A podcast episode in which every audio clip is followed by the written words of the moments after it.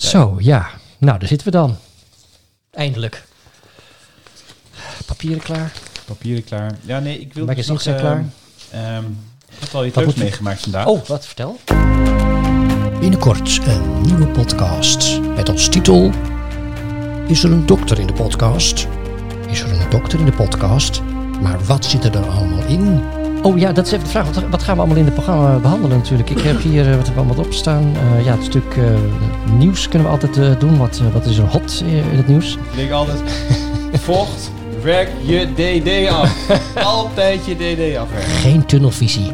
Ook niet als nefroloog. Gewoon reet sproeiend naar een patiënt kijken. Ehm, nou, wat gaan we nog meer eh, behandelen? Dus we hebben dokter, ehm, wat doet u nu? We hebben, je kan ook zeggen, dokter, wat weet u nu? Of wat doet de dokter? Waar is de dokter? Wie, wie belt de dokter? We hebben natuurlijk de speciale rubriek eh, Er is telefoon voor vocht. Een beetje plakkerig, maar altijd leuk. We hebben namelijk aan de telefoon nu ehm Marion eh Muller, hoogleraar ouderengeneeskunde.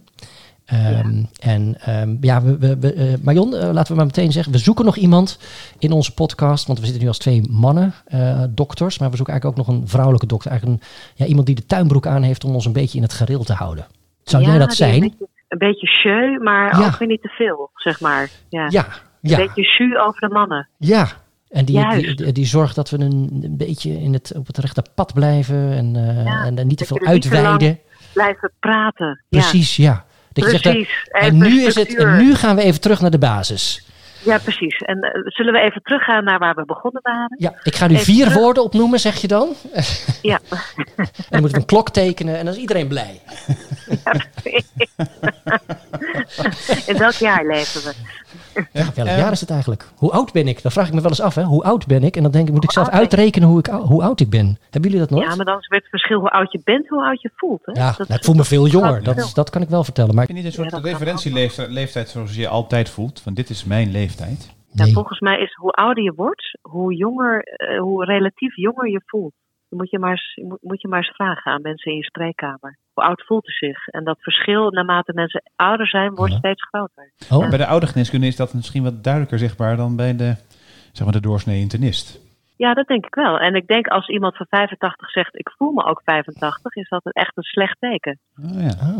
Het is toch wel weer interessant. Dus in principe als je dus 85 bent, ho- ho- hoor je je zeggen, nou, ik voel me, ik voel me 80 of Dit is 75. opeens een heel serieus gesprek. Ja. Heb je dat door? Ja, maar nog even dan, want dan ben ik Vrouwelijk, die vrouwelijke tuinbroek, die, eh, die De duiding ook Het- vooral, hè?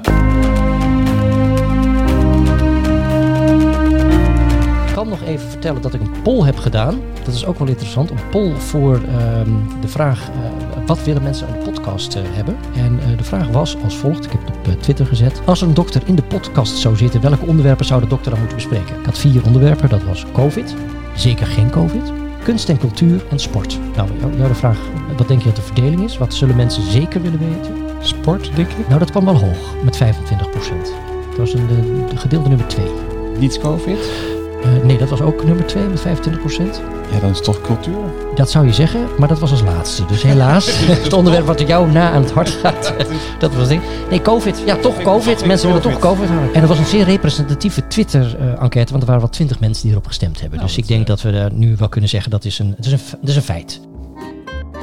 Binnenkort is er een dokter in de podcast. Meer informatie op de website www.dokterinpodcast.nl of via Twitter dokterinpodcast.